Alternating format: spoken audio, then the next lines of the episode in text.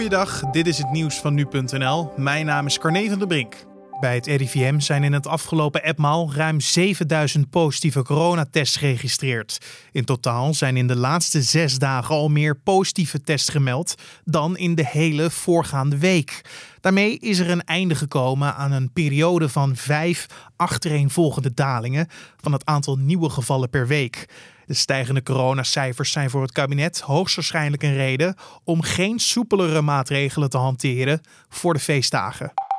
De Raad voor Cultuur heeft minister van Engelshoven van Onderwijs, Cultuur en Wetenschap geadviseerd om het structureel onderzoek naar de herkomst van natieroofkunst zo spoedig mogelijk te hervatten.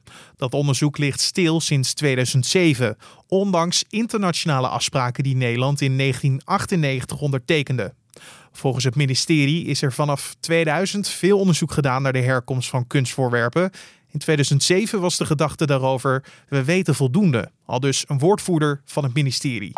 Het aantal plofkraken in Nederland is dit jaar fors afgenomen. Volgens een woordvoerder van de Nederlandse Vereniging van Banken staat de teller dit jaar tot nu toe op 25, waar het er nog vorig jaar in totaal 71 waren.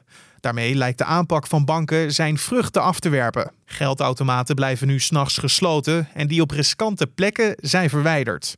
Er wordt nu gewerkt aan structurele oplossingen, zoals methoden om bankbiljetten onmiddellijk na een kraak onbruikbaar te maken.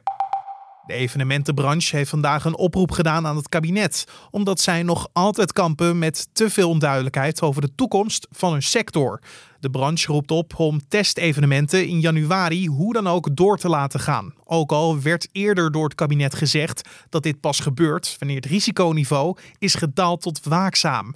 De oproep ging gepaard met een grootschalige actie waarbij het nummer van The Show Must Go On van Queen in een uitvoering van het Metropoolorkest om 12 uur breed werd gedeeld. En tot zover de nieuwsupdate van nu.nl.